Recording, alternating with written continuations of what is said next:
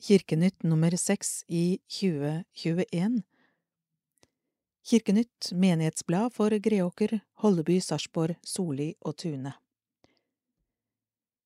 Lydutgaven er tilrettelagt av KAB, Kristent arbeid blant blinde og svaksynte, og er lest inn av Eløyri Groven. Biskop Atle Sommerfelt Kjærlighet i mørketiden Nå kryper mørket inn på oss fra alle kroker og kriker.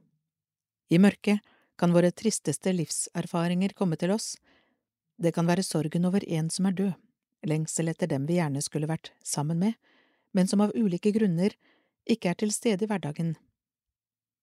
Gamle sår kan bli som nye. Utrygghet for hva fremtiden vil bringe kan gi søvnløse netter. Sporene av kjærlighet er ikke alltid lett å få øye på, men vi er alle resultat av kjærlighet, Guds kjærlighet skapte alt som er til, og hele menneskeheten. Guds kjærlighet ga oss alle samme verdighet og verdi. Kjærligheten mellom mann og kvinne ga hver enkelt av oss livet. Når kjærligheten forsvinner i livene våre og i samfunnet, ødelegges vi. Brutalitet, undertrykkelse og krig vinner frem. De mange lysene på kirkegårder og gravsteder denne julehøytiden er en stille håpsprotest mot mørket rundt oss. Lysene viser at håpet om kjærlighetens seier over sorg og død lever. De lyser opp og minner, og gir oss som tenner dem, et streif av kjærlighetens varme. Det er veldig meningsfylt å tenne kjærlighetens lys nettopp i julehøytiden. Den kristne julen forteller oss at kjærligheten ikke er en abstrakt og idealisert eller romantisk idé, i en himmel ingen av oss kan nå. Kjærligheten lever der vi trenger den mest, i hverdagens mange utfordringer og i våre kamper mot indre og ytre mørke. Den gjør det mulig å leve og overleve og håpe om fred på jord for alle mennesker. Gud er helt annerledes enn oss mennesker og er alltid større enn alt vi kan fatte og alt vi kan tenke eller tro. Gud lar seg ikke fange av menneskets logikk og tankekraft. Gud er Gud om alle mann og kvinner var døde, som Petter Dass skriver i Den norske kirkes nasjonalsalme. Det store under og mysteriet som skjedde i Betlehem den gangen, er at Guds kjærlighet driver Gud til å bli som oss, født av en kvinne, som en hvilken som helst annen baby. Guds kjærlighet overvinner avstanden mellom Gud og menneske. Lyset fra julestjernen gir håp i mørket. Vi synger det i en kjær julesalme av Alf Prøysen. Den første gang hun skinte, så laga hun ei bru imellom seg og himmelen og ei krybbe og ei ku. Det lille barn i krybben kan ingen være redd for. Det gir oss alle frihet til å være i Guds nærhet. I krybbens rom er kjærligheten til stede for oss alle. Måtte denne julen gi oss et glimt av denne kjærligheten. La oss feire julen som en fest for kjærlighetens seier over mørket, nå og i all evighet. Min tro Dagfinn Ravning jeg vokste opp i Ullerøy som yngstemann i en søskenflokk på fire. Ikke bare var jeg yngst, men jeg var skikkelig attpåklatt da jeg kom 14 år etter den som var nærmest meg. Så i barndommen vokste jeg egentlig opp uten søsken, men det var trygt og godt å vokse opp i nabolaget rundt Ravneng og Lia, med flere barn rundt min alder som lekte og hadde det fint sammen. Bedehuset sto sentralt i våre og mange naboers liv. Jeg ble båret dit før jeg kunne gå, og etter hvert var jeg på nesten alt som skjedde der. Søndagsskole, guttelag, yngres og vanlige møter. Det var jo på bedehus det skjedde. Tenke med takknemlighet på alle lederne som holdt på år etter år når vi vokste opp. De viste oss veien og troen og ikke å forglemme juletrefester og andre store fester med to predikanter, en god åpning og en god avslutning. Det var også ofte små prekener, og mye sang og musikk, og ikke minst lang kaffepause med kaffe og julekake. Jeg kan ennå fornemme kaffelukta som satt i veggene på det gamle bedehuset. Hver vinter var det flere virkeuker, som de kalte det, både i Indremisjon og Misjonssambandet. Da var det møter hver kveld i én og kanskje to uker, så det ble mye forkynnelse, og selv om mye har gått inn det ene øret og ut det andre, så gjør det noe med livet ditt og med troen. Troen hadde trange kår i min oppvekst, det meste var synd og det var lite å gå på, blant annet fotball og kino var ikke bra, så jeg har tenkt ofte at det er et under at noen i min generasjon har blitt bevart som kristne. Men samtidig opplevde vi mye varme og omsorg hos de gamle på bedehuset. De mente det så vel. Og jeg har bare gode minner fra oppveksten på bedehuset. Jeg begynte tidlig å spille trekkspill i musikklaget på bedehuset, og siden er det blitt mange forskjellige grupper som sang og spilte på bedehuset. Fredhøymusikken, familiemusikken, Runda Tor, Rune Dagfinn og Tormod, og Tormod og Dagfinn. Jeg vokste opp med de gamle bedehussangene, sterke tekster om synd og nåde, og både prekener og sangtekster endte som regel opp i himmelen. Og det er vel kanskje de kristne sangtekstene som har betydd mest for meg. Så det er nok sangen og musikken som har betydd mest for meg i forhold til å bevare troen og leve i troen. Musikken ble også mitt levebrød som organist og korleder i Skjeberg i over 50 år. Den kristne troen har vært med meg hele livet og har vært en viktig del av meg, både i arbeid og fritid. Jeg har vært heldig som har hatt en jobb hvor troen har vært en naturlig del av alt jeg har gjort og jeg håper at jeg har fått delt noe av denne troen med alle dem som jeg har vært i kontakt med gjennom korarbeidet blant både barn, ungdom og voksne. Så jeg håper at jeg har vært en trosopplærer, selv om den tittelen har kommet inn i kirken de senere årene. Jeg har nok en enkel, ukomplisert tro. De store, krevende spørsmål som kommer opp med jevne mellomrom i vår kirke, har jeg latt ligge. Kjente at det ble for krevende å forholde seg til. Når jeg var rundt ti år, så fikk jeg et tydelig kall fra Gud til å være en leder. Det fikk jeg på det gamle bedehuset i Ullerøy, og det har jeg forholdt meg til, og det har ligget i bunnen på alt jeg har drevet med. Så min oppgave som leder, først og fremst som organist og korleder, men også i mange andre sammenhenger knyttet til kirke og bedehus og annet sosialt engasjement i nærmiljøet, har vært å formidle denne troen på en enkel og naturlig måte, og som Luther sier, om nødvendig med ord. Kvinners kamp for rettferdighet, Kirkens Nødhjelp. Act 22. november klokken 18 til 20.30 i Sarpsborg kirke. Vi setter fokus på fysisk og psykisk vold i nære relasjoner. Program Innledning ved Lill Marie Tollerud og Safia Abdi Hase. Bevertning med samtale rundt bordene. Sofasamtale. Gjennom væskesalg støtter vi Kirkens Nødhjelpsprosjekt Dorkas hus i Kongo. Ta gjerne med en væske som kan doneres.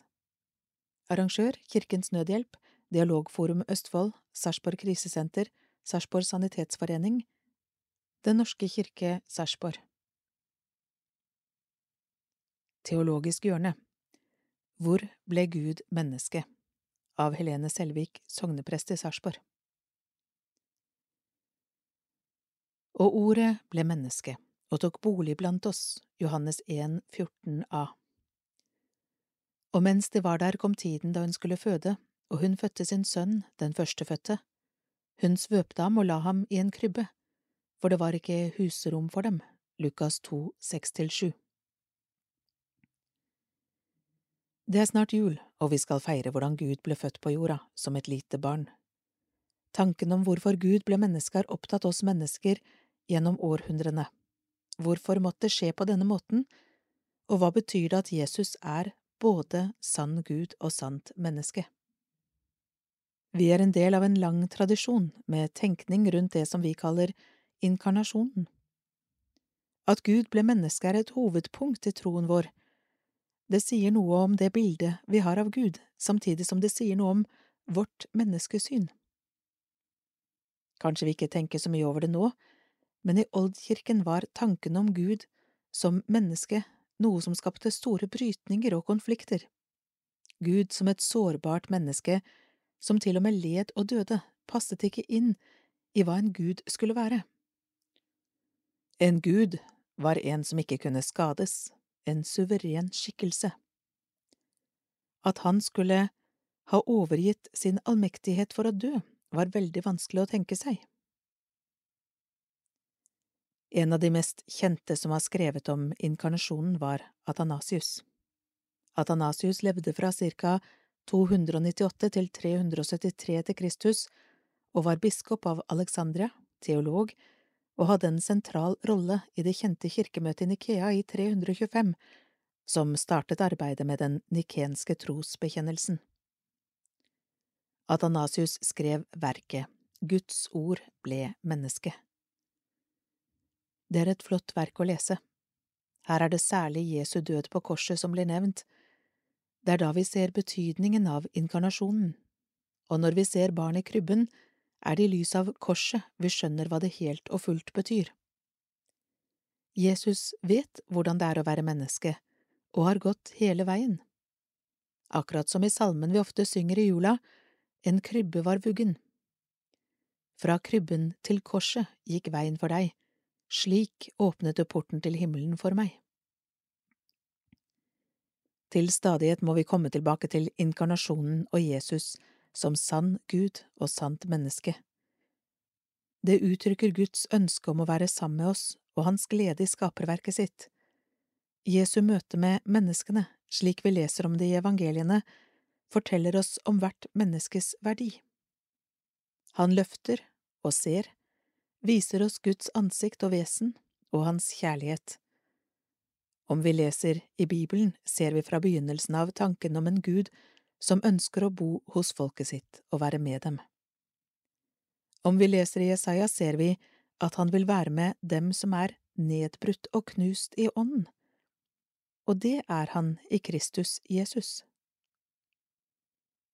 Et annet viktig perspektiv som Atanasius minner oss om, er at Jesus ikke kom for å iscenesette eller vise seg frem. The Lord did not come to make a display, he came to heal and to teach suffering men. Samtidig som Jesus kom for å være sammen med oss, kom han også for å tjene oss, og har slik gitt oss et etisk forbilde for hvordan vi skal følge etter ham og være hans kropp og kirke på jorda. Vi skal være der for hverandre. Vi skal være medmennesker som ser og bærer vår neste. Theology is like a map, merely learning and thinking about the Christian doctrines, if you stop there, is less real and less exciting than the sort of thing my friend got in the desert. Doctrines are not God, they are only a kind of map. Til deg, en forestilling. Til deg er basert på dikt og korttekster skrevet og lest av Mona Bromander, akkompagnert av Fredrik Bjørnstad på piano og gitar. Innimellom tekstene framfører de kjente sanger som kan kobles til tematikken i de leste tekstene. Musikken er skrevet av blant andre Bob Dylan, Johnny Mitchell, Leonard Cohen, Brandy Carlisle, Ola Bremnes og Erik Bye. Forestillingen utforsker sårbarheten i det å være menneske. Tekstene som framføres, belyser den kontinuerlige foranderligheten i verden, i relasjoner, og ikke minst i hvert enkelt menneske. Samtidig stiller de spørsmål rundt om det allikevel er noe som er konstant, og om det finnes flere tilgjengelige måter å møte virkeligheten på. Tekstene utforsker hvordan det vi velger å rette vår oppmerksomhet mot, blir levendegjort og vokser, og kan forme vår opplevelse av virkeligheten. Piano, gitar og vokal Fredrik Bjørnstad, tekstframføring og vokal Mona Bromander.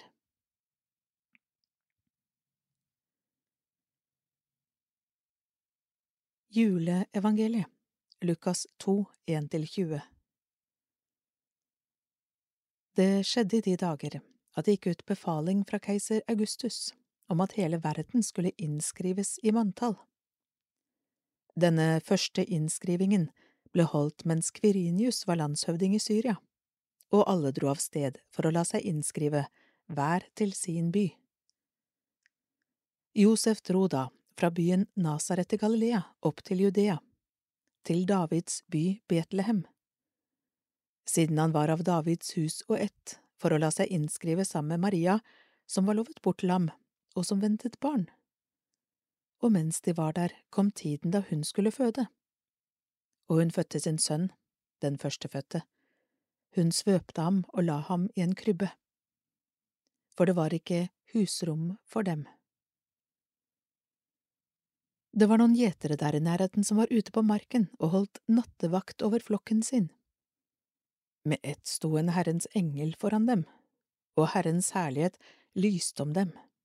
De ble overveldet av redsel, men engelen sa til dem, frykt ikke, se, jeg forkynner dere en stor glede, en glede for hele folket. I dag er det født dere en frelser i Davids by. Han er Messias, Herren, og dette skal dere ha til tegn. Dere skal finne et barn som er svøpt og ligger i en krybbe. Med ett var engelen omgitt av en himmelsk hærskare som lovpriste Gud og sang Ære være Gud i det høyeste, og fred på jorden blant mennesker Gud har glede i.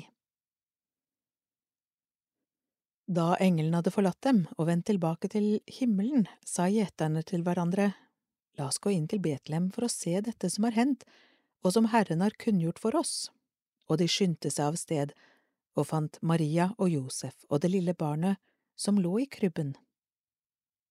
Da de fikk se ham, fortalte de alt som var blitt sagt dem om dette barnet.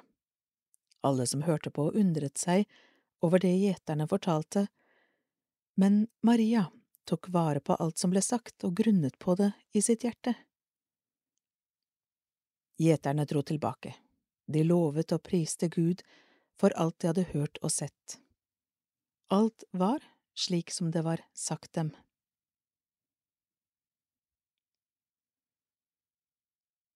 Barnas kulturhus Dramaklubb, malekurs, strikkekurs, instrumentalundervisning, orkester starter nye kurs i januar 2022.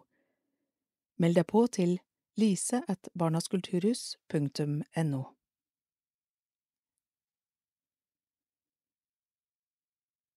Dialogdag i skolen bekjemper fordommer Av Tom Helgesen Gjennom flere år med dialogdager for ungdomsskoleelever opplever Dialogforum Østfold at etterspørselen øker, og at det gir resultater. Økt kunnskap om hverandres religioner og kulturer bekjemper fordommer og gir et tryggere samfunn, sier dialogmedarbeider Unianita Skauen. Dialogforum Østfold er et samarbeid mellom kristne og muslimske foreninger i Sarpsborg og Østfold for øvrig, hvor det handler nettopp om dialog, ikke forkynnelsen, for å skape respekt og forståelse på tvers av religionene. Med dette som utgangspunkt har det blitt testet ut dialogdager for ulike trinn ved Kruseløkka ungdomsskole siden 2015, i samarbeid med skolen og Sarpsborg kommune, hvor elevene har hatt stasjonsundervisning i sentrum med besøk i kirke, moské og hos andre lokale aktører. Det startet som en interesse fra elever ved skolen som hadde en høy andel barn med minoritetsbakgrunn, for å gjøre noe med gruppementaliteten. Dermed ble det utviklet et opplegg som siden har blitt evaluert og justert, sier Unianita. Godt samarbeid Takket være økonomisk støtte fra flere hold har hun blitt ansatt for å kunne utvikle og utvide tilbudet ytterligere. De siste årene har dialogdagen også blitt arrangert for elever ved Haugeåsen ungdomsskole i Fredrikstad, og hun håper og tror at flere skoler skal kunne knytte seg på fortløpende. Vi har et godt samarbeid med Sarpsborg og Fredrikstad kommuner, og tilbyr undervisningsopplegg i møtepunktet mellom demokrati og medborgerskap KRLE-undervisning og konkrete kompetansemål i flere ulike fag. Målet er at vi etter hvert skal ha så mange samarbeidspartnere at vi kan skreddersy ulike pakker skolene kan bestille, etter eget ønske og behov, som en del av undervisningen, uten at det faller mye arbeid på lærerne.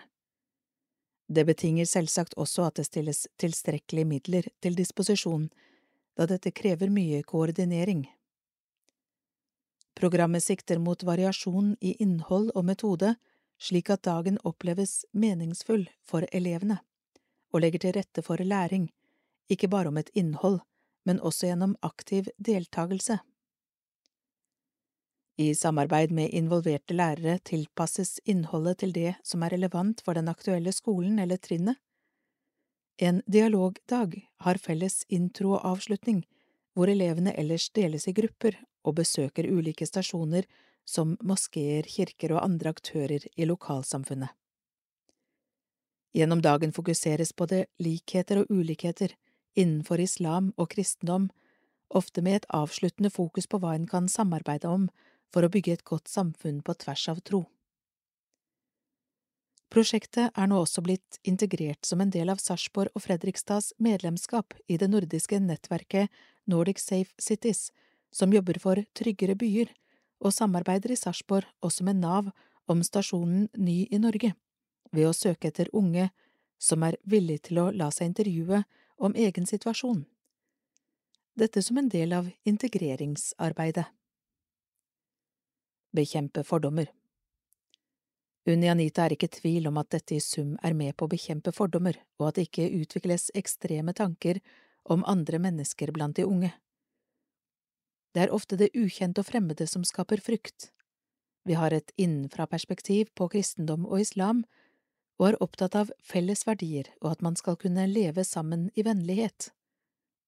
De gode tilbakemeldingene styrker henne i troen på at dette gjør en forskjell for deltakerne. Mange har gitt uttrykk for at det er flott å se prester og imamer stå ved siden av hverandre og smile, og at de nå skjønner mer av hva som foregår i en moské-kirke gjennom fysiske besøk. Her er det også muligheter til å stille spørsmål om alt man måtte lure på. Barnesiden 25 år siden Kirsten åpnet barneklubb i Kulandkirken. Da Kirsten Brandt nylig var innom XXL-klubben på Kuland for å formidle bibelhistorier, var det 25 år siden hun startet egen barneklubb i de samme lokalene. Det er fortsatt like moro, fastslår hun. Jeg drev den gangen Nasjonalstua barnepark, og vi var jevnlig innom kirken med barna, og vi satte opp julespill og så videre. Men jeg hadde lyst til å kunne formidle bibelhistorier og formidle kristne barnesanger i enda større grad, minnes hun. Slik oppsto barneklubben Mixmax for barn i alderen fire til åtte år. Navnet tok de etter barnespillet med samme navn, hvor man skulle sette sammen figurer og få en helhet. De delte ut skriv med informasjon til distriktets barnehager, og responsen lot ikke vente på seg. Hun fikk med seg flere gode hjelpere, og snart sydet av liv, sang og latter i lokalene. Vi gjorde mye ulikt, og vi var rundt på institusjoner, familiegudstjenester og andre steder og sang, minnes hun. For ikke å gi slipp på barna da de nådde den øvre aldersgrensen, ble Excel-klubben etablert. I tillegg oppsto Duplo-klubben for dem som hadde småsøsken. Det er like moro å fortelle fra Bibelen til barn i dag, og ikke minst veldig godt å se at barneklubbene fortsatt tiltrekker seg mange barn, sier den spreke pensjonisten. Mini-andakt det har akkurat vært halloween, og det er det sikkert mange som har feiret. Men visste du at kirken har en egen feiring som heter Alle helgens dag? Denne dagen husker vi på alle dem som har dødd som vi har kjent. Det er både trist, men også veldig fint. Det er fint å vite at noen flere tenker på deg når du er trist, og det kan man få oppleve i kirken denne dagen. På allehelgensdag er det mange som kommer til kirken for å tenne lys og huske på dem de savner, og så kan de få snakke med en prest eller en diakon hvis de trenger det.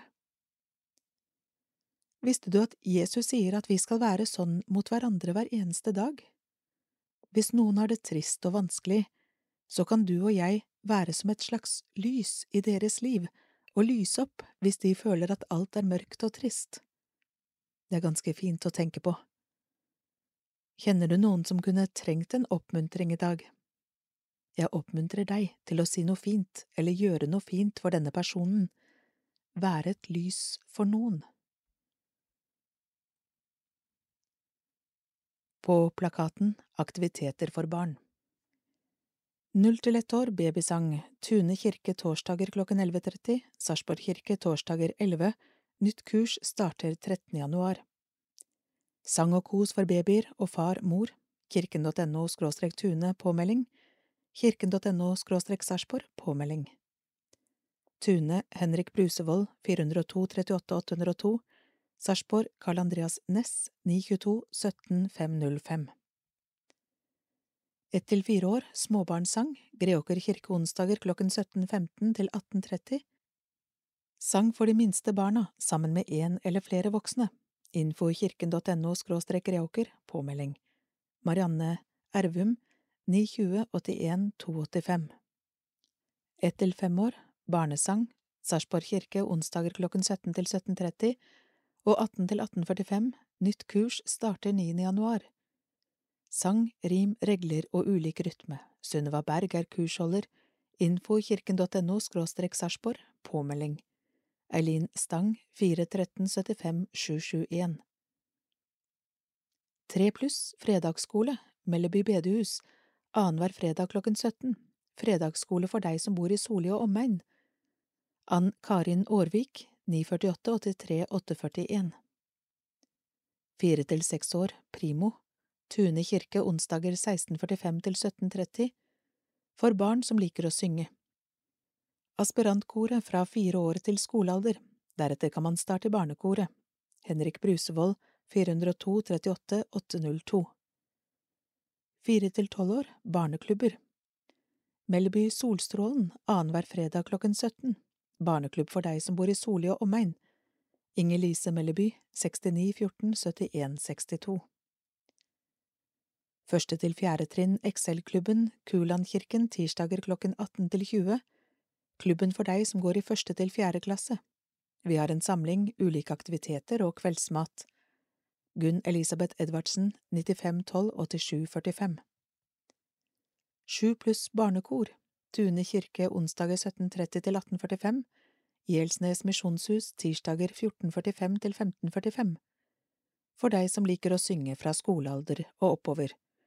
Henrik Brusevold 402 38 802 10 til 11 Lys våken Greåker kirke og Sarpsborg kirke 27. og 28. november Lys våken lørdag og søndag Greåker Håvard Ø. Løvik 97 76 47 91 Sarpsborg Eileen Stang 41 37 57 71 Barneklubber Gjelsnes misjonshus Onsdager i oddetallsuker klokken 17 Lysglimt barnelag, barneforening for de aller minste, Hege Jørgensen 970 17 612, Camilla Skaar 995 79 323. Femte til sjuende trinn-klubben, Hannestad bedehus, tirsdager klokken 18 til 20. Heng, diverse aktiviteter og moro, kveldsmat, Berit Vassdal, 995 07 866. Femte til åttende trinn, XXL-klubben, Kulandkirken, mandager 18 til 20. Klubb med matlaging, biljard, airhockey, fotballspill, bordtennis, hobbyaktiviteter med mere. Kveldsmat. Gunn Elisabeth Edvardsen, 95 12 87 45. På plakaten Aktiviteter for ungdom 10–15 Fredagsklubben Gjelsnes misjonshus én fredag i måneden klokken 19 til 22 Margaret Olseng 9 15 26 672 14 Konfirmasjon. 2021–22 Greåker Holleby Soli og Tune. Nytt kull startet i oktober. Sarpsborg oppstart nytt kull i januar. Kirken.no skråstrek Sarpsborg. Kristin Tollefsen 477 52 505 Eileen Stang 413 75 771 14 pluss The Place. Hannestad bedehus, onsdager klokken 18 til 21. Lars Bostrøm Ørland, 92642 14 pluss Klubb Inside, Kulandkirken torsdag klokken 18 til 22, ungdomsklubb, Eileen Stang 413 75 771 14 pluss KRIK, gymsalen på Kalnes videregående skole, annenhver fredag klokken 19 til 21, idrett, andakt og glede. Kristin Tollefsen 477 52 505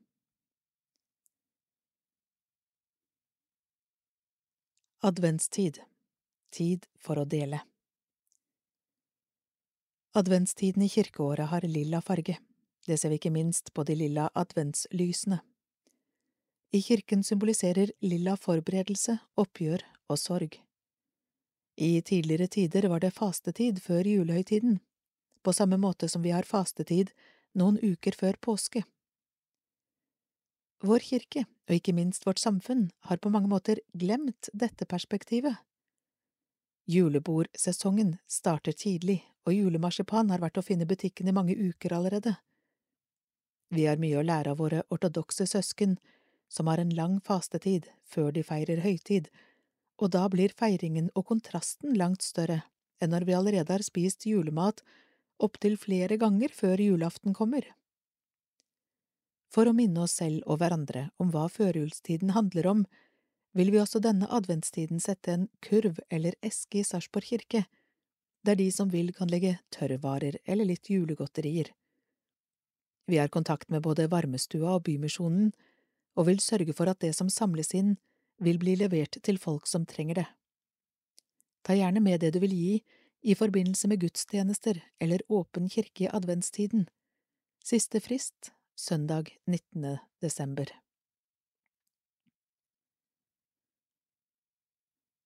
Lover en julekonsert som vil berøre deg Av Tom Helgesen 12. desember kan du oppleve julekonserten Lys født av lys med Anders Hjelmark og Sarpsborg Kammerkor under ledelse av dirigent Carl Andreas Næss i Sarpsborg kirke. Opprinnelsen til denne julekonserten strekker seg tilbake til mai 2018, da Anders Hjelmark fylte Sarpsborg kirke med sin første kirkekonsert. En opplevelse som ga mersmak, og som fødte drømmen om en framtidig julekonsert i samme kirke. Underveis tenkte jeg at det ville bli enda bedre å samarbeide med kammerkoret enn å gjøre konserten alene.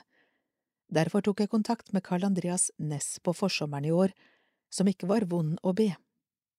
Siden har vi jobbet tett sammen med repertoaret og innpakningen for å kunne gi publikum en musikalsk og minnerik konsert. At de som liker å følge meg, også får mulighet til å oppleve koret, blir kjempemessig. Likestilte parter Anders Gjelmark presiserer at begge parter er likestilte, og at både han og koret skal få gjøre det de er best på. Her vil publikum oppleve et lydbilde som spenner fra det sarte og nære, til det mektige og store. Også kammerkorets leder og dirigent Carl Andreas Næss gleder seg over samarbeidet og er sikker på at dette er vel verdt et besøk i kirken denne kvelden. Anders Hjelmark synger fint, og vi i koret liker å stifte nye musikalske bekjentskaper som trekker oss i ulike retninger. Nå kjenner Anders Hjelmark og jeg hverandre godt, både musikalsk og personlig. Han synger jo i kammerkoret til vanlig, og vi har samarbeidet ved flere anledninger tidligere, så vi vet hva han er god for. Det vi kan skape sammen, blir større og bedre og en annen dynamikk enn hver for oss. Lys født av lys Navnet på konserten er hentet fra første linje i salmen Og nata lux, og nata lux de lumin, Jesu redemptor secoli, som på norsk blir til O lys født av lys, Jesus verdens frelser. Vi ville bruke Lys født av lys som plattform å jobbe ut fra, og som er beskrivende for det vi vil presentere.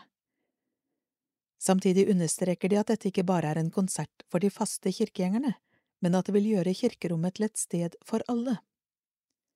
De to konsertkameratene vil ikke røpe hele repertoaret, men lette likevel litt på sløret. Julestemning er sikret med innslag som Deilig er jorden og nordnorsk julesalme, og også Anne Grete Preusses udødelige Når himmelen faller ned er med.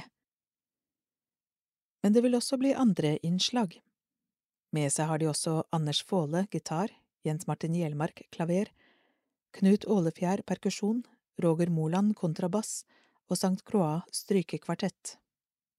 PS, konserten vil bli gjennomført både klokka 17 og 19.30 i Sarpsborg kirke 12. desember. Billetter får du via Ticketco. Endelig er tårnet på Soli kirke avduket i hermetegn av Tom Helgesen. Stillasene som har omfavnet Soli kirke i lange tider, er nå omsider demontert, og det nyrenoverte tårnet og taket kan beskues for forbipasserende. Soli kirke har dermed fått en etterlengtet makeover i toppen, men kirkevergen håper også det skal bli midler til å bytte utvendig panel på veggene. Den kommunale pengepotten er imidlertid brukt opp for inneværende periode, så han må sette sin lit til at det blir ny innvilgning etter nyttår. Vi fikk elleve til tolv millioner over en treårsperiode, som primært er blitt benyttet til å tette takene på kirkene hvor det har vært lekkasjer. Det er ingen hemmelighet at etterslepet på vedlikehold har vært og fortsatt er stort på våre kirkebygg. Vi har søkt på den samme summen også for de neste tre årene, slik at vi kan opprettholde takten på rehabiliteringen. Selv om de gjerne skulle hatt enda mer midler til disposisjon, gir Paulsen honnør til kommunen for velviljen til å ivareta kirkene. Nytt piano i Holleby kirke av Halvor Kjerkreit Allehelgensdag 7. november tok Holleby menighet og Hollebykoret farvel med pianoet som har stått i kirka i mange år. Menigheten fikk i høst et større beløp fra bispedømmet til å kjøpe inn et nytt instrument, og nå er et pent brukt Aspheim-piano på plass i kirkerommet. Denne oppgraderinga føyer seg inn i rekka av mange forbedringer i og rundt Holleby kirke i forbindelse med hundreårsjubileet. Det nye piano vil bli tatt i bruk på lysmessa søndag 5. desember, og vi som jobber i kirka håper at mange vil ta turen til Holleby kirke denne kvelden for å få med seg denne begivenheten, og i tillegg endelig få lytte til kor og korps inne i kirkerommet igjen.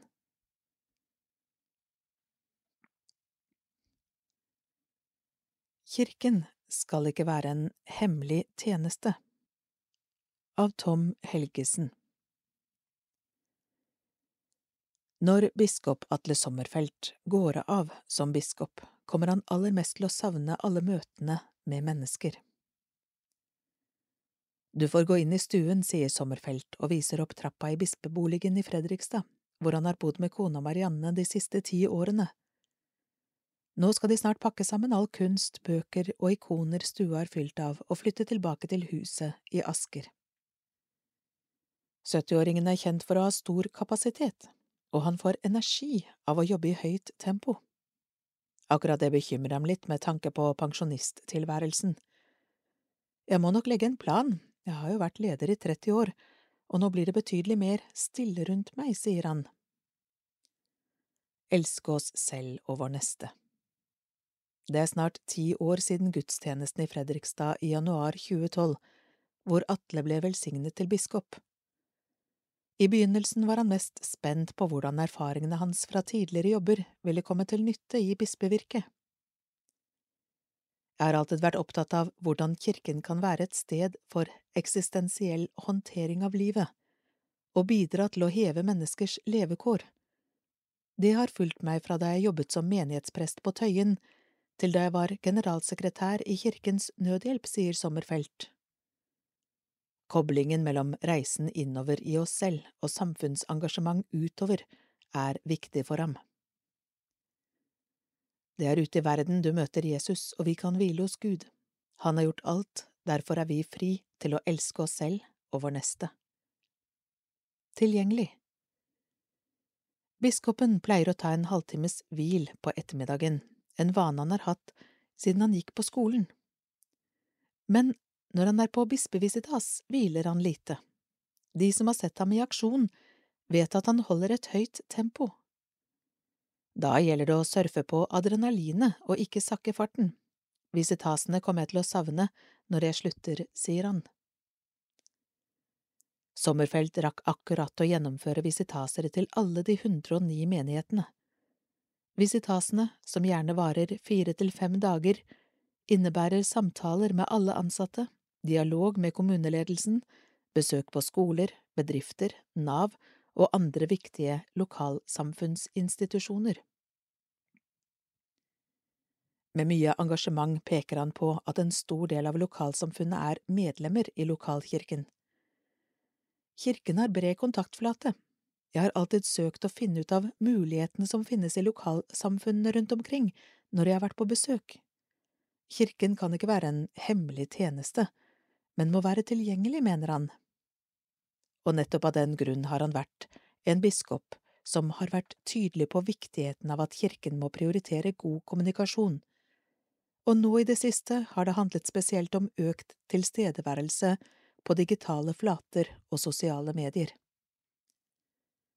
Nylig kom en veiledning for en forkortet liturgi for digitale gudstjenester, slik at digitale gudstjenester kan være en forordnet gudstjeneste.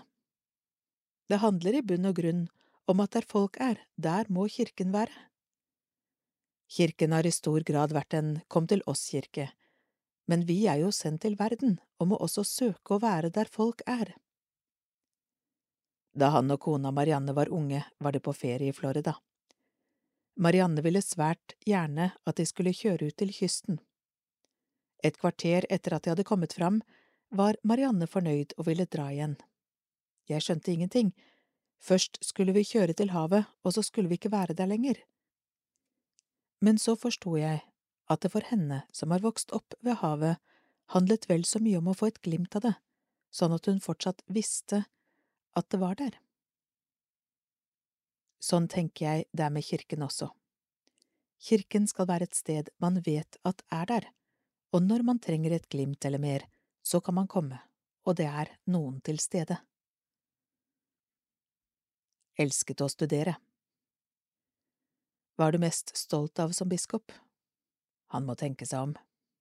Er det noe jeg skal svare, jeg er ikke stolt av noen ting, humrer han. Men det er klart jeg er stolt av mye. Jeg er stolt av hvordan visitasene foregår, nemlig at vi er så aktivt i dialog med lokalsamfunnene kirken er en del av, og kanskje hjelper til å knytte noen forbindelser som ikke var der i utgangspunktet. Egentlig er det å ta Jesus' spørsmål på alvor om hva vil du jeg skal gjøre for deg, og stille lokalsamfunnet det samme hva kan kirken gjøre her? Han er også stolt av Dialogforum Østfold, som er en forening eid og driftet av muslimske kultur- og trossamfunn og kristne trossamfunn og organisasjoner, som jobber for dialog og mot radikalisering. Han nevner også Håpets katedral, Hovlandfestivalen, Borg pilegrimssenter og den store satsingen på kommunikasjon i Borg bispedømme, Kommunikasjonsløftet. Jeg mener også jeg har bidratt til å skape bedre samarbeidsklima mellom de to arbeidsgiverlinjene i kirken, ved at prostene skal sitte i fellesrådene. Hva fikk du ikke fullført som biskop i Borg? Jeg skulle gjerne ha kommet lenger i å utvikle organisasjonskulturen, der mener jeg det er mye igjen, både med tanke på at ansatte både må oppleve selvstendighet men også akseptere og være lojale mot at organisasjonen definerer en felles retning og strategiske mål. Noen oppfatter det kanskje som begrensende, men det er innenfor rammer vi kan bruke kreativiteten og nyskapingen mye friere. Vi kan gjerne ta en diskusjon, men når man har diskutert ferdig, så bør man akseptere at sånn gjør vi det. Det gamle slagordet Verden er for sterk for en delt kirke gjelder i aller høyeste grad også for kirken i Borg. Jeg skulle også veldig gjerne ha vært med videre i arbeidet med hvordan vi som kirke kommuniserer med alle våre medlemmer. Vi har kommet et godt stykke på vei, men ikke fullført. Dialog med andre religioner Han mener at det viktigste for kirken i Borg bispedømme videre er at kirken videreutvikler seg som folkekirke, Kirken må ta alle sine medlemmer på alvor og være en livsløpskirke med religiøse markeringer for viktige begivenheter i livet.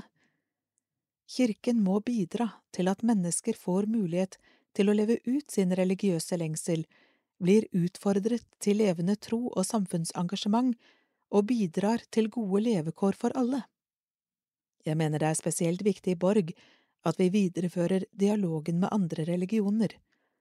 Den norske kirke må bidra til godt naboskap og mangfoldighet, uten å gi slipp på sin egen identitet. Første desember er siste dag på jobb. Jeg må nok passe meg litt for å ikke bli en sur, gammel mann som mener mye om hvordan ting skal være i kirken, men det kan hende jeg dukker opp som vikarprest her og der. Vi får se.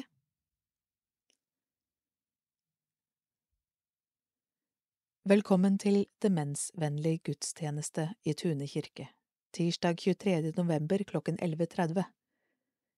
Dette er en gudstjeneste for alle, men mennesker med demens og deres pårørende er spesielt velkomne. Det blir gudstjeneste med liturgi, salmesang, nattverd og kirkekaffe. Ved spørsmål ta kontakt med Demensteamet på 99 20 58 30 eller diakon Kjersti Kjelle 4809 7747.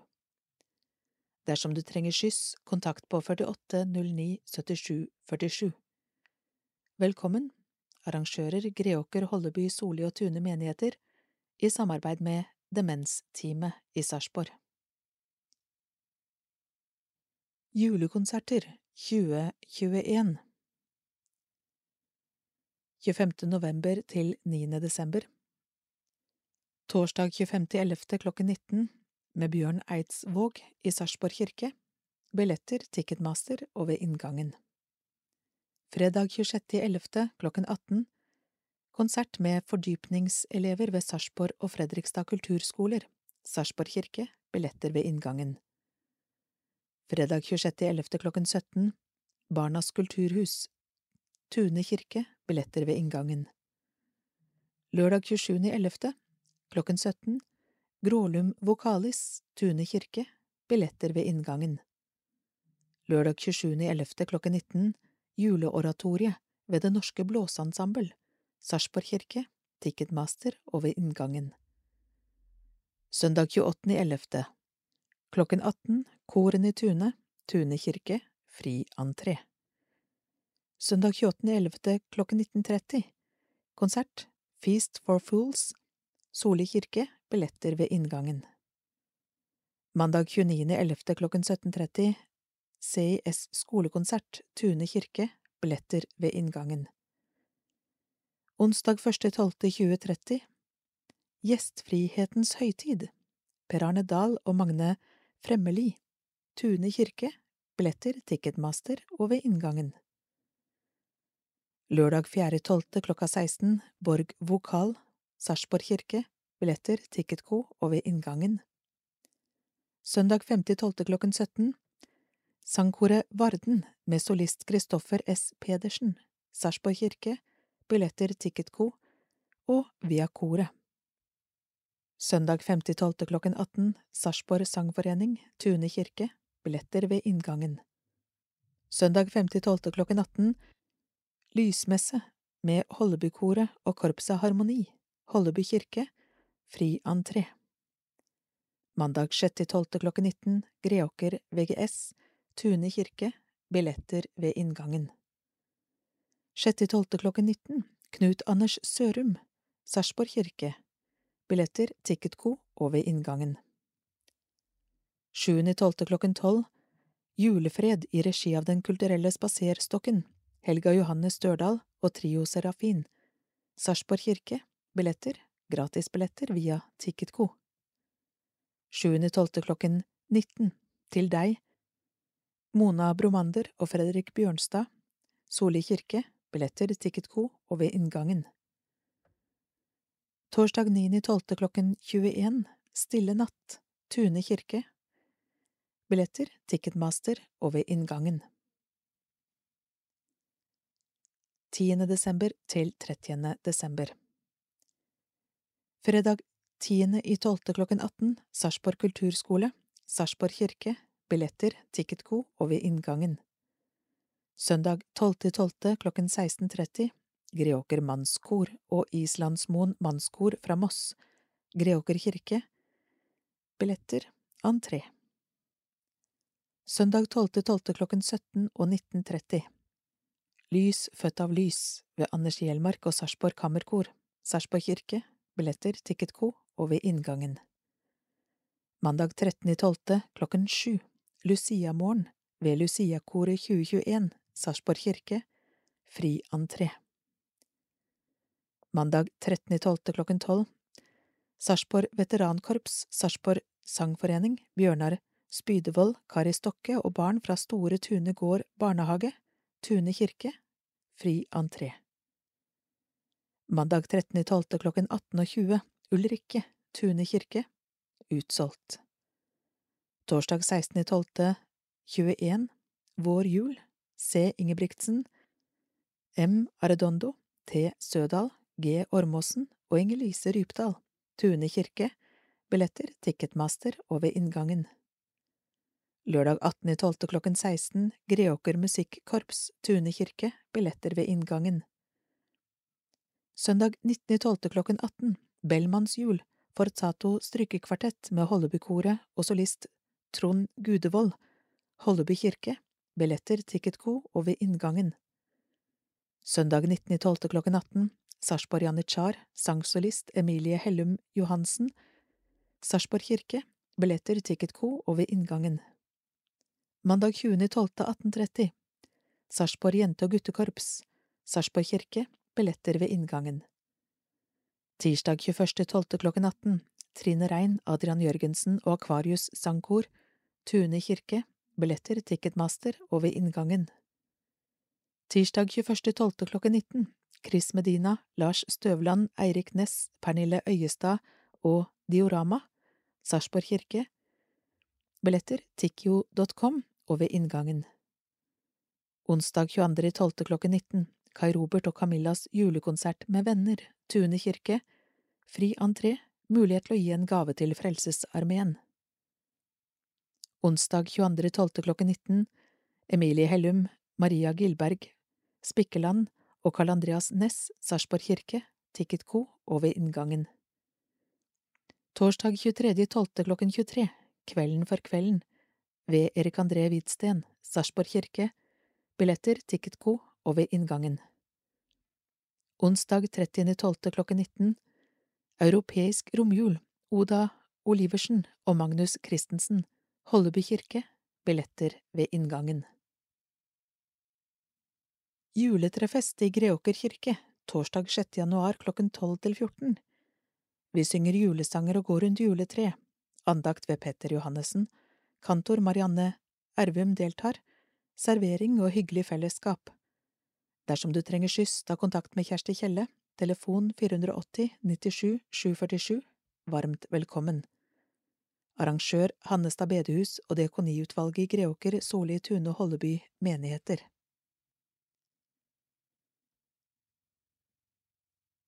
En julekonsert med Helga Johanne Størdal og Trio Serafin. Sarpsborg kirke tirsdag 7. desember klokken tolv. Konserten er et samarbeid mellom Den kulturelle spaserstokken, Sarpsborg kommune og Sarpsborg menighet. Vi åpner dørene klokken 11.30, fri entré. Lyden av julefred Hvordan høres julestemning ut i Venezuela, i Vietnam, i Polen, i Palestina, blant canadiske indianere? Fire nysgjerrige musikere går på skattejakt blant julesanger fra hele verden for å finne ut hvordan jula høres ut rundt omkring på kloden, og resultatet er blitt denne unike konserten. Ettersom påfallende mange av julesangskattene de fant handlet om fred, har prosjektet blitt hetende Julefred over jorda. De fire musikerne er sopranen Helga Johanne Størdal og søstrene Daria, Julia og Maria Serafin, Trio Serafin. Trioens mor, Eva Serafin, har arrangert sangene for dem, og Størdal har gjendiktet sangene til norsk. Resultatet er blitt en helhetlig og garantert julestemningsskapende konsert, med kjente og ukjente toner fra hele verden. velkommen til en vakker førjulsopplevelse med lave skuldre og åpne ører.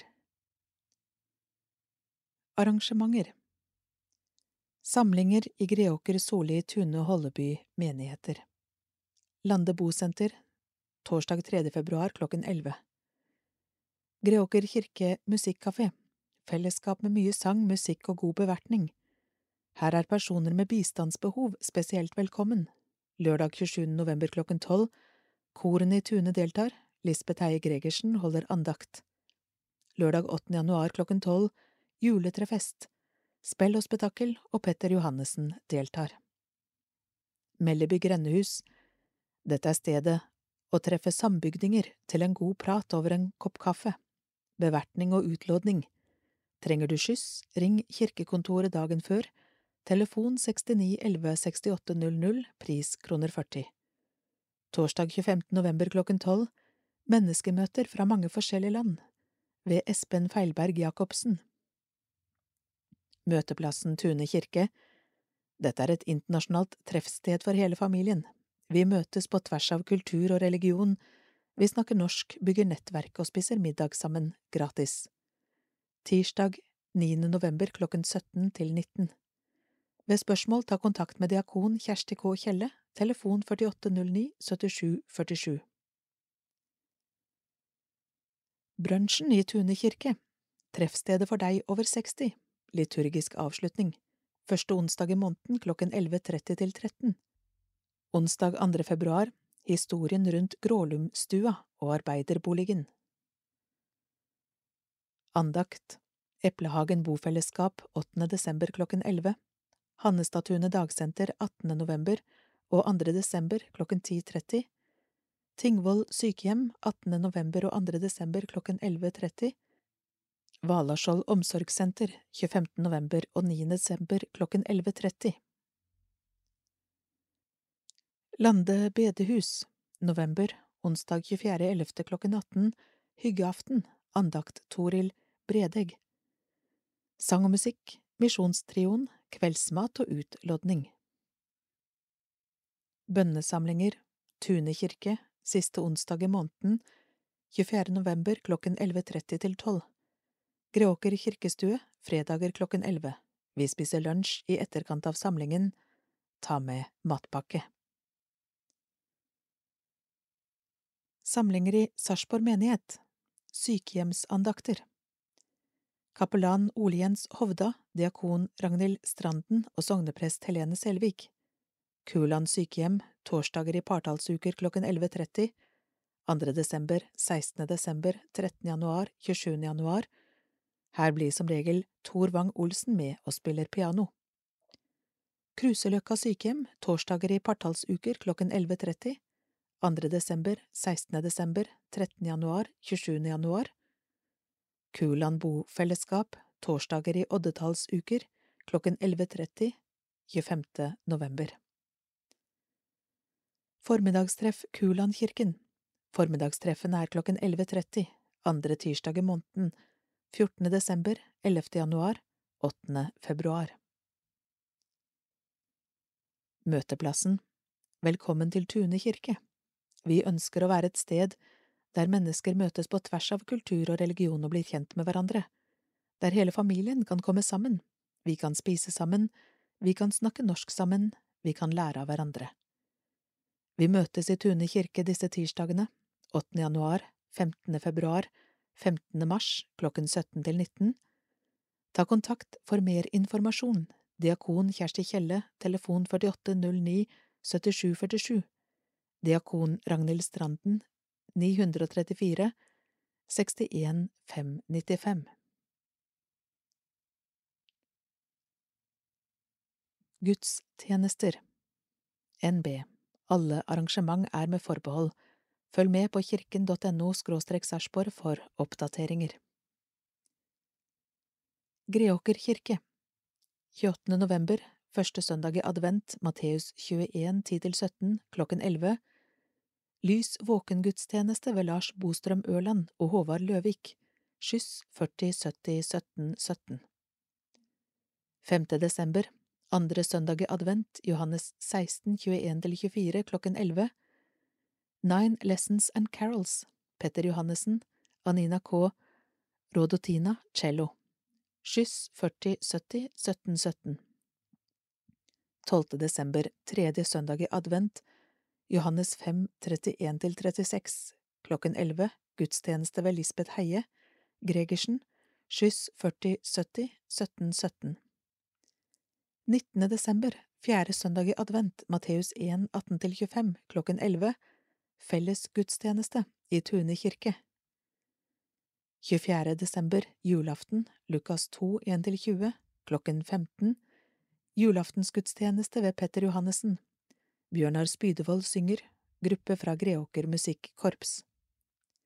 25. desember, første juledag, Johannes 1, 1–14, klokken 12, høytidsgudstjeneste med nattverd og mulighet for dåp ved Peter Johannessen, Espen Olsen trompet, skyss 4070 1717. 31. desember, nyttårsaften, Matteus 11, 25–30, klokken 17, fellesgudstjeneste med nattverd ved Lars Bostrøm Ørland, skyss 4070 1717. 1. januar, første nyttårsdag, Matteus 18, 19–20, klokken 11, vi deltar i felles gudstjeneste i Holleby kirke. 2. januar, Kristi åpenbaringsdag, Johannes 12, 42–47, klokken 11, vi deltar i felles juletregudstjeneste i Tune kirke. 9. januar, andre søndag i åpenbaringstiden, Johannes 1, 29–34, klokken 11, gudstjeneste ved Petter Johannessen, nattverd og mulighet for dåp, skyss 4070 1717. 16. januar, tredje søndag i åpenbaringstiden, Johannes 1, 15–18, klokken 11, gudstjeneste ved Petter Johannessen, nattverd og mulighet for dåp, skyss 4070 1717. 23. januar, fjerde søndag i åpenbaringstiden, Lukas 13, 10–17, klokken 18, ungdomsgudstjeneste ved Lars Bostrøm Ørland, nattverd. Holleby kirke 5. desember, andre søndag i advent, Johannes 16, 21–24, klokken 18, lysmesse ved Hollebykoret og korpset Harmoni. Appell ved Lisbeth Heie Gregersen, skyss 950 40 282. 19. desember, fjerde søndag i advent, Matteus 1, 18–25, klokken 11, fellesgudstjeneste i Tune kirke. 24. desember, julaften, Lukas 2, 1–20, klokken 14, julaftensgudstjeneste ved Berit Vassdal, sang og musikk ved familien Oliversen og familien Martinsen. 26. desember, andre juledag, Johannes 16, 1–4a, klokken 11, gudstjeneste ved Berit Vassdal, Korpset Harmoni spiller, skyss 950 40 282. 31. desember, nyttårsaften, Matteus 11, 25–30, klokken 17, vi deltar i fellesgudstjeneste i Greåker kirke. 1. januar, første nyttårsdag, Matteus 18, 19–20, klokken 11, fellesgudstjeneste ved Lars Bostrøm Ørland, nattverd, skyss 950 40 282. 2. januar, Kristi åpenbaringsdag, Johannes 12, 42–47, klokken 11, vi deltar i felles juletregudstjeneste i Tune kirke. 16. januar, tredje søndag i åpenbaringstiden, Johannes 1, 15–18, klokken 11, gudstjeneste ved Lars Bostrøm Ørland, dåp, skyss 950 40 282. Soli kirke 28. november, første søndag i advent, Matteus 21, 10–17, klokken 11, gudstjeneste ved Berit Vassdal, nattverd, konfirmantpresentasjon, Tova Anita Ødegård, klarinett, Stig Ø. Ottesen, trompet. 12. desember, tredje søndag i advent, Johannes 5, 31–36, klokken 11, gudstjeneste ved Petter Johannessen, nattverd, elever fra Sarpsborg kulturskole synger. 19. desember, fjerde søndag i advent, Matteus 1, 18–25, klokken 11, fellesgudstjeneste i Tune kirke. 24. desember, julaften, Lukas 2, 1–20, klokken 16, julaftensgudstjeneste ved Berit Vassdal, Per-Viggo Nilsen fiolin, en gruppe fra Greåker musikkorps spiller. 25. desember, første juledag, Johannes 1, 1–14, klokken 11, gudstjeneste ved Berit Vassdal, Helene Haarr sang. 31. desember, nyttårsaften, Matteus 11, 25–30, klokken 17. Vi deltar i fellesgudstjeneste i Greåker kirke. 1. januar, første nyttårsdag, Matteus 18, 19–20, klokken 11. Vi deltar i fellesgudstjeneste i Holleby kirke. 2. januar, Kristi åpenbaringsdag, Johannes 12, 42–47, klokken 11. Vi deltar i felles juletregudstjeneste i Tune kirke. 9. januar, andre søndag i åpenbaringstiden, Johannes 1, 29–34, klokken 11, gudstjeneste ved Berit Vassdal. 23. januar, fjerde søndag i åpenbaringstiden, Lukas 13, 10–17, klokken 11, gudstjeneste ved Petter Johannessen. Tune kirke 28. november, første søndag i advent, Matteus 21, 10–17, klokken 18, adventskonsert, koren i Tune kirke, sogneprest Lisbeth Heie Gregersen medvirker. 5. desember, andre søndag i advent, Johannes 16, 21–24, klokken 11, gudstjeneste ved Berit Vassdal, dåp og nattverd, skyss, 401 68 460 12. desember, tredje søndag i advent, Johannes 5, 31–36, klokken 18, ungdomsgudstjeneste ved Lars Bostrøm Ørland, nattverd. 19. desember, fjerde søndag i advent, Matteus 1, 18–25, klokken 11, vi synger julen inn, fellesgudstjeneste ved Petter Johannessen, familien Haarr Kjerkreit synger og spiller. 24. desember, julaften, Lukas 2, 1–20, Klokken 10.30 julaftensgudstjeneste på Tingvoll ved Lisbeth Heie Gregersen, familien Lande deltar. Klokken 14 julaftensgudstjeneste ved Lisbeth Heie Gregersen, korene i Tune kirke synger. Klokken 16 julaftensgudstjeneste ved Lisbeth Heie Gregersen, Grålum Vokalis synger. En gruppe fra Barnas kulturhus spiller mellom og i gudstjenestene. 25. desember, første juledag, Johannes 1, 1–14, klokken 11, gudstjeneste med mulighet for dåp ved Lisbeth Heie Gregersen, skyss 401 68 460. 31. desember, nyttårsaften, Matteus 11, 25–30, klokken 17. Vi deltar i fellesgudstjeneste i Greåker kirke. 1. januar, første nyttårsdag, Matteus 18, 19–20, klokken 11. Vi deltar i fellesgudstjeneste i Holleby kirke. 2. januar, Kristi åpenbaringsdag, Johannes 12, 42–47, klokken 11, felles juletregudstjeneste ved Lisbeth Heie Gregersen, skyss 401 68 460. 9. januar, andre søndag i åpenbaringstiden, Johannes 1, 29–34, klokken 11, gudstjeneste med dåp ved Lisbeth Heie Gregersen, skyss 401 68 460. 16. januar, tredje søndag i åpenbaringstiden, Johannes 1, 15–18, klokken 11, gudstjeneste med dåp og nattverd ved Berit Vassdal, skyss 401 68 460. 23. januar, fjerde søndag i åpenbaringstiden, Lukas 13, 10–17, klokken 11, gudstjeneste med nattverd ved Lisbeth Heie Gregersen, skyss 401 68 460. Sarpsborg kirke 28. november, første søndag i adventstiden, Matteus 21, 10–17, klokken 11, gudstjeneste ved Helene Selvik, Lys våken, nattverd, Grålum vokalis, offer til barne- og ungdomsarbeidet. 5. desember, andre søndag i adventstiden, Johannes 16, 21–24, klokken 11, gudstjeneste ved Helene Selvik, nattverd, offer til Evangelical Lutheran Christmas Church, Betlehem. Klokken 13 dåpsgudstjeneste ved Helene Selvik, offer til barne- og ungdomsarbeidet. 7. desember klokken 8 morgenmesse ved Helene Selvik. 12. desember tredje søndag i adventstiden Johannes 5, 31–36. Klokken 11 gudstjeneste ved Espen Feilberg Jacobsen, dåp og nattverd, offer til diakoniarbeidet. 19. desember, fjerde søndag i adventstiden, Matteus 1, 18–25. Klokken elleve Syng jul, fellesgudstjeneste med Vartei, med Helene Selvik og Ingrid Levinsen, nattverd, offer til Misjonsprosjektet. 24. desember julaften, Lukas 2, 1–20, klokken 14 og 16. Julaftensgudstjeneste ved Helene Selvik, offer til Kirkens Nødhjelp.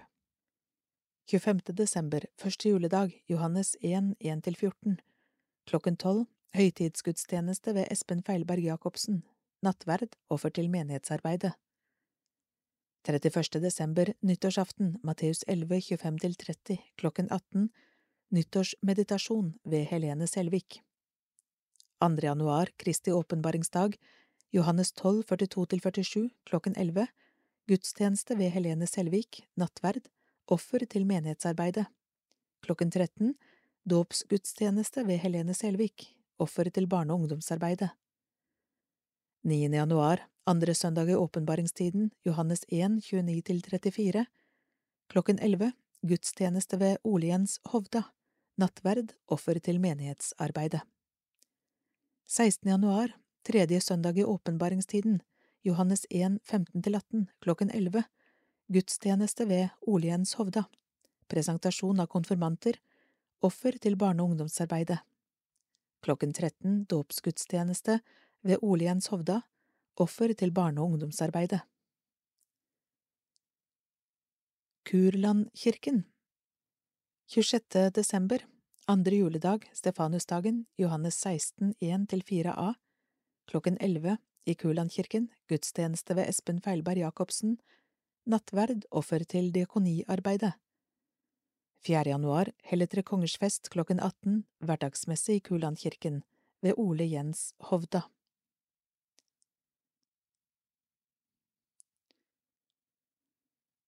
La Grace få fylle fem år av Anette Torjussen. Akkurat nå ligger Grace trygt i mammas armer, bare en dag gammel, omfavnet av mors kjærlighet og nærhet etter en god og trygg fødsel. Dessverre er tallene dystre, mange barn i Afrika lever aldri til de blir fem år. Jeg kjenner meg så lykkelig, Grace er mitt første barn, og det er så mye større enn jeg hadde forestilt meg. Jeg håper hun får en trygg og god fremtid. Det er alt jeg ønsker meg, smiler mamma Anita Lamisoni, 24 år. Høye dødstall Grace er født i Malawi, på fødeavdelingen til helsesenteret Mwatarika, som Kirkens Nødhjelp har bygd. Alt er godt og trygt for Grace nå, men utenfor veggene venter et hardt liv og en beinhard statistikk. Mer enn 90 prosent av barn som dør før de fyller 18 år, overlever ikke sin femårsdag.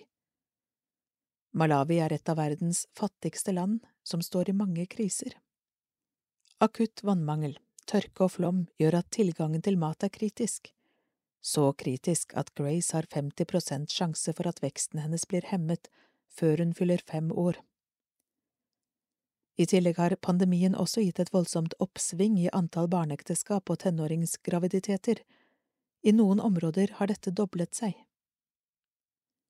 Selv om tallene for barnedødelighet har gått kraftig ned, er de fortsatt dramatiske. I 2019 døde det 14 000 barn i verden under fem år hver eneste dag. Og hvor du blir født har mye å si. Barnedødeligheten er ni ganger høyere i Afrika enn i Europa. En god start på livet begynner med en trygg fødsel. Derfor har Kirkens Nødhjelp bygd fødeavdelinger flere steder i Malawi, samtidig som vi sørger for gode jordmødre. Vi skal snart feire jul, i takknemlighet og glede over Jesu fødsel. En fødsel som mest sannsynlig var en tøff erfaring for unge Maria. I en stall, i en fremmed by, langt borte fra familien. Hadde hun en fødselshjelper? Jesus overlevde både fødselen og flukten den lille familien måtte legge ut på etter hvert. Vi antar spedbarnsdødeligheten var stor. Jesus overlevde spedbarnstiden på tross av den urolige verden han ble født inn i. 2000 år etterpå vet vi at nyfødte under 28 dager står for nesten halvparten av dødsfallene blant barn under fem år, tall fra 2019. Mange fødes fortsatt i krig, konflikt, vannmangel, sult og fattigdom. Vårt oppdrag er å redde liv og kreve rettferdighet for disse, slik vi gjør i Malawi. Vi kan være med å gi nyfødte Grace og andre barn en trygg fremtid. Sammen med deg og dem kan vi bygge flere fødeavdelinger og sørge for tilgang til mat, rent vann, vaksiner og utdanning, sammen forandre, slik at flere får fylle fem år. Slik gir du årets viktigste julegave. Vips et valgfritt beløp til 2426, eller send gave på SMS til 2426 og gi 250 kroner, eller benytt gavekonto 1594 22 87 24 8. Julemarked i Sarpsborg og julekrybbe ved Hafslund kirke. Som vanlig er det en rekke konserter og arrangementer i kirkene våre før jul, men kirken vil også være synlig i bybildet og i nærområdet på litt annet vis. Årets julemarked i Sarpsborg vil være lørdag 11. og søndag 12. desember. I år vil markedet være på Torvet og oppover Sankt Marie gate. Kirken vil ha egen bod med salg av julepynt og promotering av våre konserter og arrangementer i julen. Søndag 12. desember er det for eksempel julekonsert i Sarpsborg kirke med Anders Hjelmark og Sarpsborg Kammerkor, samtidig som julemarkedet avsluttes. Julekrybba som vi har brukt tidligere på julemarkedet, kommer til å stå utenfor Hafslund kirke, slik den gjorde i fjor, og her blir det salg av lys og granbar til gravene og promotering av alt som skjer rundt jul. Vi ser frem til hyggelige ting i førjulstiden. Tirsdagsforum Greåker kirke, tirsdag 25. januar klokken 19 Arven etter Donald Trump Når konspirasjonsteorier og religiøs retorikk truer demokratiet Helge Simones er tidligere sjefsredaktør i Vårt Land. Han har nettopp gitt ut boken Trump, Gud og kirken, og bøkene Kampen om korset i politikken 2019 og En gud for de mange 2016. NRKs tidligere USA-korrespondent Bjørn Hansen gir følgende vurdering av tilsvarende foredrag. Det er sjelden jeg går til et foredrag om samfunnsspørsmål som ligger litt i utkanten av mitt tradisjonelle interesseområde, som er internasjonal politikk og økonomi. Men Helge Simones foredrag på Nesodden ga meg en ny og spennende innsikt i forholdet og skjæringspunktet mellom religion og politikk. Det var en glimrende gjennomgang rikt på innhold og fint avdempet i form. Enkel servering og kollekt. Bli gjerne med på dugnaden. Det enkleste for mange er VIPS, og våre menigheters VIPS-nummer finner du under. Kanskje dette også er en fin anledning til å vurdere å bli fast giver gjennom å bidra i en månedlig givertjeneste. Om dette skulle være interessant, ta gjerne kontakt med menighetskontoret. Når man er fast giver, får man også registrert alle gaver i løpet av året, og det gis melding til skatteetaten, slik at man får skattefradrag for donerte beløp. Bli gjerne med på denne dugnaden også. Vips til våre menigheter Greåker 13 24 3 Holleby 1154 37 Soli 72 33 7 Tune 13 16 7 Sarpsborg 50 23 5 Livets gang. Døpte. Greåker menighet. Osvald Tansø Johansen. Gustav Bjørsland. Kalle Linn Gaarder Holleby menighet Sverre Sørli Dahl August Johan Northug Olivia Fossen Andreassen. Tune menighet Ulrik Mo Christiansen Lea Marie Eilertsen Appelgren Jørgen Hove Igland Julie Christiansen Sigurd Eikås Tangmyr Leon Molteberg Nilsen, Josefine Solberg Almqvist, Emilie Klemsdal, Alea Isabel Ulsletten Hjertås, Åsmund Aulstad, Selina Nikoline Perera Kennedy, Torjus Emanuel Balseth, Lukas Alling Gryga, Fredrik Bakke Nilsen. Sarpsborg menighet Alfred Brenne Lerkerød, Henry Christiansen Holtan, Noah Myhren Heierdal Bjørnholm, Josefine Løvfall Torvik, Mattis Petersen Vevelstad, Oliver Orskaug. Vigde, Tune menighet, Ingunn Frostrud og Rune Karlsen. Sarpsborg menighet, Karianne Simonsen og Frank Levi Karlsen. Døde Greåker menighet, Odny Hellerud, Jorunn Elise Johannessen. Sarpsborg menighet, Sonja Jorunn Jensen, Daniel Johannessen, Reidun Torbjørg Sirstrand, Unni Lillian Navestad, Per Li, Hilde Kristin Syversen, Gerd Helene Birkhaug, Inge Olaf Solbakken, Jorunn Sørensen, Finn Birger Andersen, Giuseppe San Giorgio, Gerd Rigmor Syversen, Trygve Arnold Fredriksen. Tune menighet, Ingrid Gudrun Røsta Hagen, Gerd Margrethe Hansen, Gudrun Synnøve Solli. Trenger du noen å snakke med? Prester og diakoner har taushetsplikt og er vant til å snakke med mennesker om deres liv. Enkelte tror kanskje at det må være en spesiell religiøs problematikk for å samtale med en prest eller en diakon, men det er ikke nødvendig. De er trente samtalepartnere som er vant til å møte mennesker for å snakke om alle spørsmål i livet. Tjenesten er gratis, og det er som regel kort ventetid for å slippe til. Har du noe på hjertet som du trenger å lufte med et menneske under full diskresjon, ta kontakt. Ta kontakt per telefon til vårt sentralbord og be om å få snakke med en prest eller en diakon, så vil de formidle videre kontakt. Telefon 407 01 700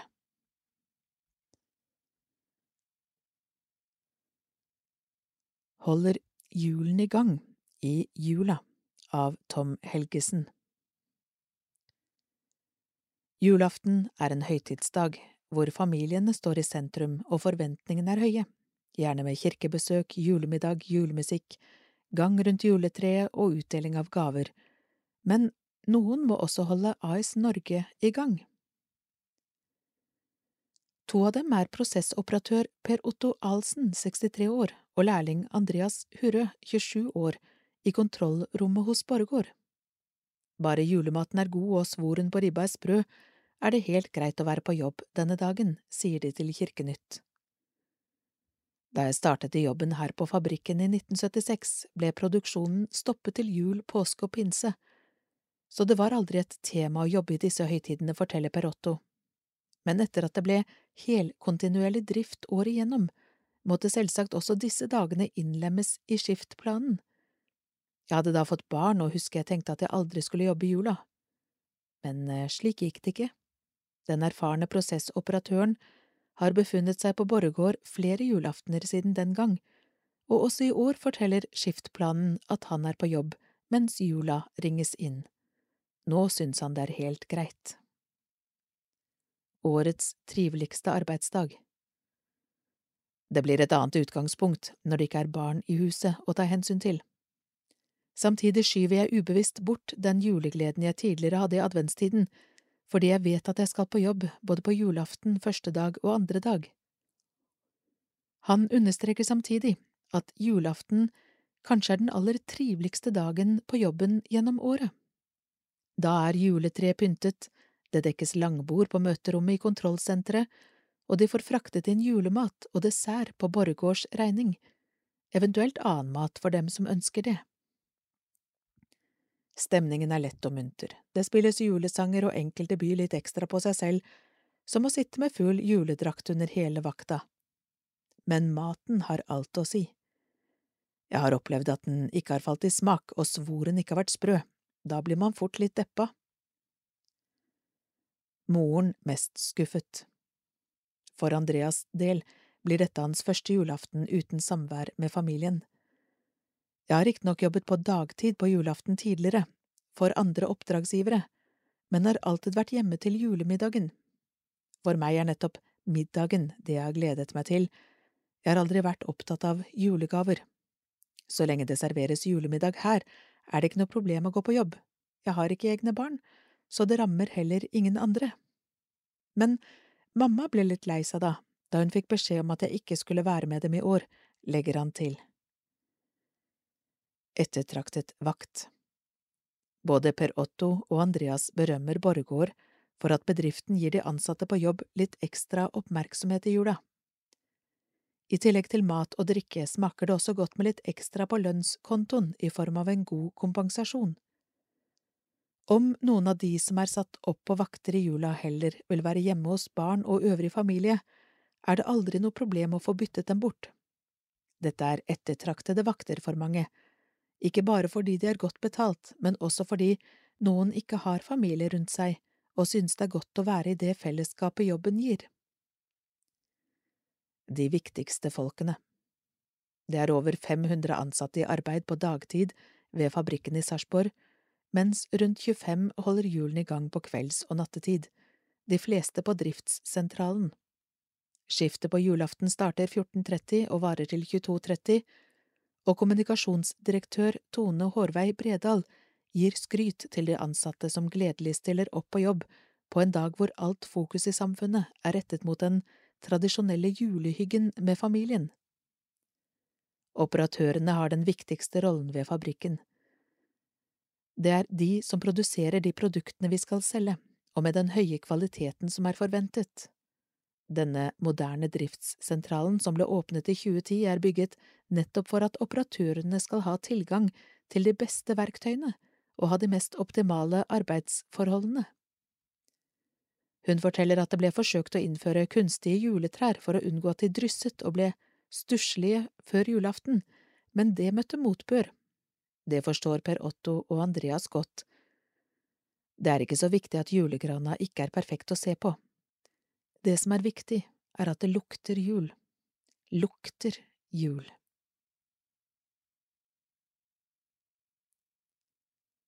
Kirkenytt nummer seks i 21 slutt.